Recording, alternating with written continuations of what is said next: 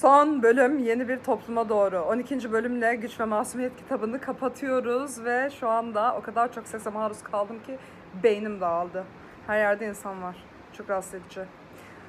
Dışarıda çekim yapmak çok zor. Her an arkadan bir şey geçebilir. Jandarma da geçebilir. insan da geçebilir. Sesli de konuşabilir. Telefonda saçma sapan bizi verebilir. Neyse bunların olmayacağını düşünerek başlıyorum. Evet yeni bir topluma doğru giderken şu ana kadar bütün öğrendiklerimizi özetledikten sonra nereye varıyoruz falan filan bence biraz şey bir bölüm. Yeni bir şey hiç söylemedi. Yani yeni bir şey söylememesine rağmen 3 sayfa not çıkardım. Çok sayfa not çıkardım. Neden? Ben de biraz böyle okurken e, iyiymiş, iyiymiş, iyiymiş diye hepsini not aldım ama o kadar da bir şey var mı bilmiyorum. Yok aslında. E, şefkate bol bol değinmiş. Şefkate değineceğiz. Şiddet ve güç ve aşk ve iradeler zaten artık her şey havada uçuşuyor devamlı aynı terimler. Başlıyorum. Şiddet bir semptomdur arkadaşlar ama aslında hastalık değildir. Hastalığı acizlik olarak özetleyebiliriz. Acizliğin içinde neler var? Güçsüzlük, önemsizlik ve adaletsizlik var. Bu genel olarak acizlik durumu bizi şiddete başvurmaya iten etken dedik zaten bölümlerdir konuşuyoruz. Çaresizlik şiddeti tetikliyor.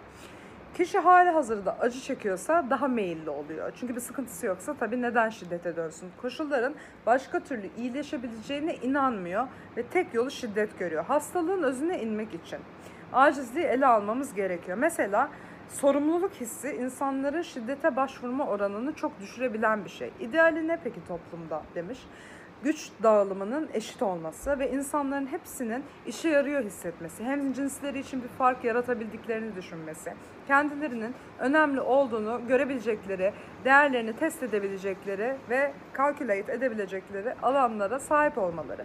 Ama bu ideale ulaşabiliyor muyuz? Tabii ki de hayır. Kitabın yazıldığı yıldan bu yıla kadar bir şey değişmiş mi? Tabii ki de hayır. Ama yine de umut etmekten ne ne ne ne devamı. Güç her insanın aslında doğuştan hakkıdır. Çünkü biz önemli olduğumuzu ancak ve ancak gücü hissedersek hissedebiliriz. Sevgiyle de bağlantılı, iç içe, karşıt değil, ayrı değil, iki farklı yol değil. Güç ve sevginin birleşimi şefkati doğuruyor. En ideal ulaşabileceğimiz nokta aslında. Sorumluluk ve güç orantısına örnekler vermiş. Üniversitede öğrencilerin şiddete başvurmaması için onları bazı sınıflara koymuşlar. Belli e, bu nasıl denir? Bizim kollar vardı ya o tarz kollara bölmüşler ve onlar söz hakları olduğunu hissetmiş. Söz hakları olduğunu hissettikleri zaman olası potansiyel sıkıntılarda tepki vermemişler. Çünkü konuşabilerek hallediyorlar. Yani her şeyin özü konuşmaya geliyor bir şekilde. Enerjiler patlama noktalarında yıkıcı değil, yapıcı yöne doğru, doğru yönlendirilebilirlerse burada gücü başka bir şekilde kullanabiliyoruz yapıcı olarak. Konuşmuştuk zaten. Önceki bölümlerde dilin yine önemine değinmiş. Dil e, karşı düşmana fikrini bildirebiliyorsan, arkadaşına hakiki bir şekilde doğruyu söyleyebiliyorsan, bu kadar samimi bir şekilde kullanabiliyorsan bir güç unsuru haline gelebiliyor dili gerçekten iyi kullanabilmek.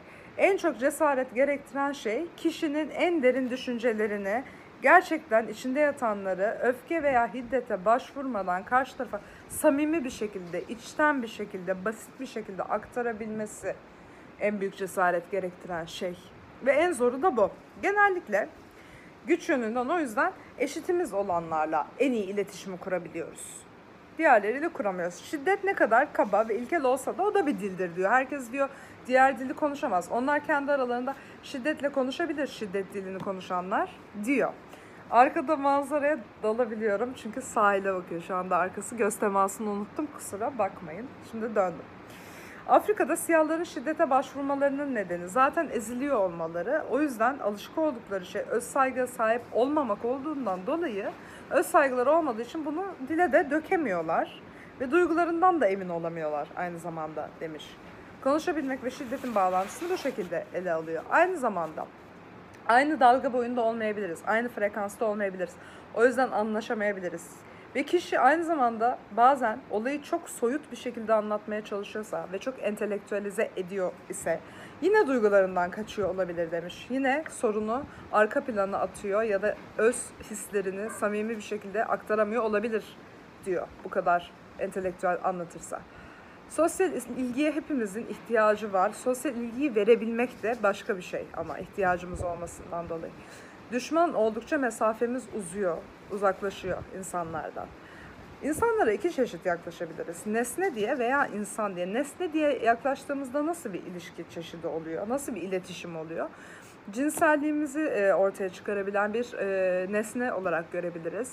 Yalnızlığımızı giderebilecek bir birey olarak sömürebiliriz. Ya da gerçekten insanı insan olduğu için sevebiliriz ki bu biraz daha üst seviye bir iletişim tarzı oluyor.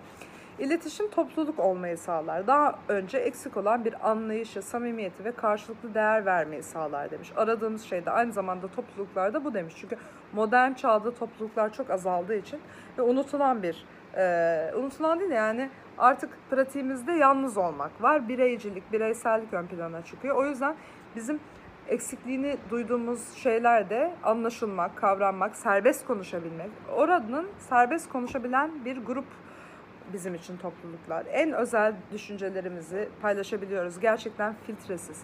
Derinden duygularımızı ortaya koyduğumuzda anlaşabileceğimizi hissediyoruz. Anlaşılabileceğimize emin olabiliyoruz ve aynı zamanda da destekleneceğimizi düşünüyoruz. Dolayısıyla kendimizi güvende hissettiriyor bize ve bunun arayışındayız. Topluluk deneyimleri büyük oranda kayboldu günümüzde. Artı etkisi olan bir kelime var, komün komünle komünizm aslında aynı kökenden geliyor ama komünizm dediğimizde biraz daha böyle negatif bir şey gibi geçiyor şu an günümüzde. Halbuki komün ne kadar tatlı şirin. Bunu arıyoruz. Topluluğumuzda diyor mutlaka düşmanımız da olmalı. Çünkü düşman bizi tetikte ve canlı tutar. Düşmanın canının azaldığını hissedersek, elendiğini, gücünün zayıfladığını bu mutlaka bizi de etkiler. Bizim aslında ruhsal sistemimizin inşası düşmanın varlığına dayalı. Bizim manevi olarak güç aldığımız bir yer orası. Ona göre konumlanıyoruz. O yüzden bunu anlayan bir insan düşmanını elimine etmek istemez zaten. Öz saygının temeli şefkattir. Tanımak ve sevmek. Bu iki şey aynı anda beraber gerçekleşir. Tanıdıkça seversin, sevdikçe tanırsın ve e, iyi tanıman bir insanı ona şefkat duymanı da beraberinde getirir. Şefkat duyduğun için de daha iyi tanımak istersin. Beraber gider diyor. Bu yüzden hoşlanmadığımız biri konuşurken ne dinleyesimiz gelir, ne zihnimizde onun anlattıklarını bir yapı oluşturabiliriz demiş. Ve e, istemeyiz. Genel olarak kapatırız kendimizi bilinçli olarak diyor. Aman Allah'ım uçacağız.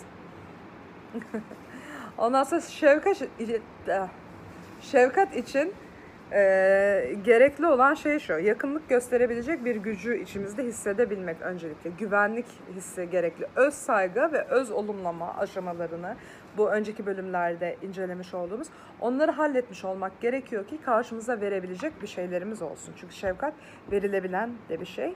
Kendimize de vermemiz gereken bir şey. Diyalektik şöyledir. Sevginin duygusallıktan daha öte bir şey olabilmesi için güçten beslenmesi gerekiyor. Gücün de e, manipülasyona kaymaması için sevgiden beslenmesi gerekiyor. Dolayısıyla insanlar ya güç ya sevgiyi tercih eder, seçer ya da birinden biri olabilir anlayışı yanlış. Bunlar beraber bir diyalektik içindeler. İçinde merhamet barındırmayan gücün sonu zulümdür demiş. Şefkat birbirimizi tanımaya ve anlamaya dayalı sevgi türüdür, çeşididir. Toplumun tanınmasından doğar. Bütün insanların kardeş olduğunu idrak ettiğimiz anda gerçekten bu şefkati hissedebiliyoruz. Başka biri için hissedilen bağdır. O kişi potansiyelini gerçekleştiremediği zaman da biz onu severiz. Yaptıkları, başarmış oldukları veya şu anda olduğu kişi için değil, genel olarak bütün arka planıyla sevebilme, kabullenebilme, insanlık hallerini tanıma ve kendi içimizde onların bir karşılığını bulabilme şefkati gerektirir. Şefkat de bunları getirir. İnsana özgü hiçbir şeyin bana yabancı olmadığını kabul etmektir demiş. Bu Rollo May'in cümlesiyle. Şiddetle şefkat birbirine zıttır.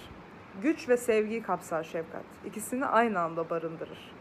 Yeni bir etik gelmiştir çağımızda. Nedir bu etik? Niyet etiği. Niyet etiğinde şu yok. Ben devamlı iyi olacağım, devamlı ahlaklı olacağım. Böyle bir şey yok. İnsan davranışının sonucundan sorumlu olduğunu kabulleniyor. İyi ya da kötü sorumluluklar, iyi ya da kötü davranışlar sorumluluk bize getiriyor ve biz sonuçlarıyla yüzleşiyoruz. Sonuçlarına göre hareket ediyoruz. Kendimizi full iyi ya da full kötü deklare etmiyoruz.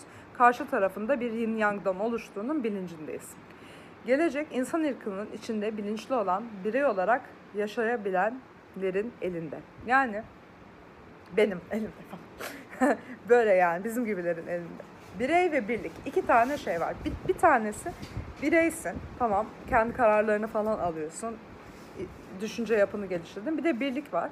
O da bir şeye ait hissediyorsun. Onlar bazen senin yerine karar veriyorlar. Tamamen kontrol sende değil. Bir şey ait olduğun toplumun, topluluğun senin yerine karar vermesi de işin içinde oluyor. Bunun ikisi birden olursa daha sağlıklı olur diyor. Çünkü birinden biri olmazsa hata yapma payı çoğalır demiş bilemiyorum ya. Bir toplu bence mesela bir topluluğun içindeyken de hata payı yapman hata yapma payın çok olabilir. Çünkü belki topluluğunu iyi seçememişsindir. Belki sonradan hani çok bambaşka bir zıt yalnızlıktan sadece topluluğa kayıyorsan ki olabilecek bir şey yani. Ee, örnekler vermek istemiyorum ama örnekler var. Orada o zaman onların yaptığı kararı ne kadar sorumluluğunu alıp üstlenmek istersin tartışılır. Zaten çok az yerini tartışıyorum adamın. Burasını tartışalım mesela. Neyse Ondan sonra bu hatalara yol açabilir. İkisinden sadece birini tercih etmek. Peki insanların yaptığı başka bir hata, genel bir hata ne? Gelişmeyi sadece yukarıya doğru ivme tam ok şeklinde algılamak ve her zaman daha iyiye, daha iyiye, daha iyiye gittiğini düşünmek. Bunu böyle düşündüğümüz müddetçe tam olarak gelişmeyi kavrayamayız. Modern insan Sokrateslerden, derdi, Sokratesler ve Yunanlılardan daha üstün değildir ki demiş. Yani etik olarak da değil, şey olarak da bakınca hatta kaybolan değerler bence daha yüksekte bile olabilir. O yüzden bu gelişmeyi mutlaka aynı zamanda derine inen, her adımda köklenen bir şey olarak da almak gerekiyor. Neşe zaten acının eriştiği kapsama kadar artar. Yani ne kadar da beğendiysek o kadar yukarı çıkabiliriz mi diyor. Bir tane doğrumuz var. Onun en aşağısı yukarıya doğru da mı sınırımızı belirliyor? Hani bu cümle bana öyle bir şey ifade etti ki öyleyse çok dibi gördüğüm için çok aplarda olmam normal değil mi? Demek ki mani falan değil. Zamanında dibi gördük diye mi acaba? Neyse. Sonra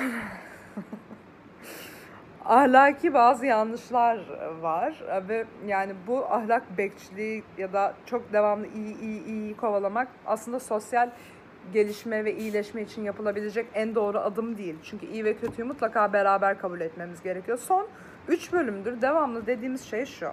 İyi ile kötüyü beraber kabul etmemiz gerekiyor. İyiye karşı da kötülüğe karşı da hassasiyetimizi aynı ölçüde beraber geliştirmemiz ve eğitmemiz gerekiyor ki bu zaten yaratıcılığın da kaynağıdır demiş. Anlayışımızı da geliştirir demiş. Anlayış geliştiği zaman dış dünyaya karşı daha anlayışlı olduğumuz zamanda zaten bütün dünyanın ilerlemesine kendimiz birey olarak sorumluluğumuzu alıp katkıda bulunmuş oluyoruz. Değil mi? Olayımız bu değil mi? Yapmamız gereken şey bu değil mi? Ya siz ne yapıyorsunuz evde? Gerçekten ama yani. Neyse. Tek boyutlu düşünce eşittir masumiyetle eylemin örtbası. Evet. Bir önceki bölümlerde bazı örnekler vardı. Ben onları atladım. Çok uzun olmasın örnek tutma şeyimiz diye ama yani bu devamlı masumiyet pompalamak ve tek taraflı bir e, kavrayış iyi değil. Davranışlarımızın sonucundan ve farkında olmaktan bu sonuçlardan sorumluyuz. Aha ses çıktı. Yaşamda amaç kötülükten ayrı değil. Kötülüğe rağmen iyiliği seçmektir. İnsanlar yani.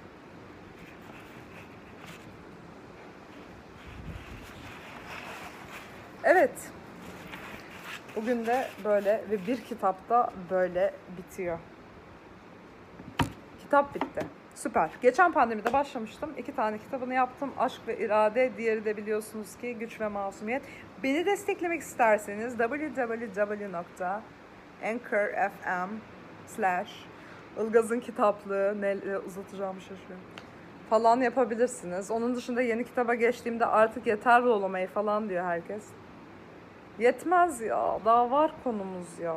Ben sabah akşam rolamayı yapmak istiyorum ya. Nasıl olacak? Araya bir şey sıkıştırmam gerekiyor. Sırf başka şey de yaptım demek için. Falan filan. 20 saniye var. La la. Asabi gel oğlum. İlla 15 yapacağım. Bu ne takıntısı? Başak takıntısı değil mi? Bitti konu işte bitti. Sevgi, kardeşlik, iyilik, ye. Bir ben olursanız bütün dünya daha iyi olur. Ne kadar narsist oldum. Bye.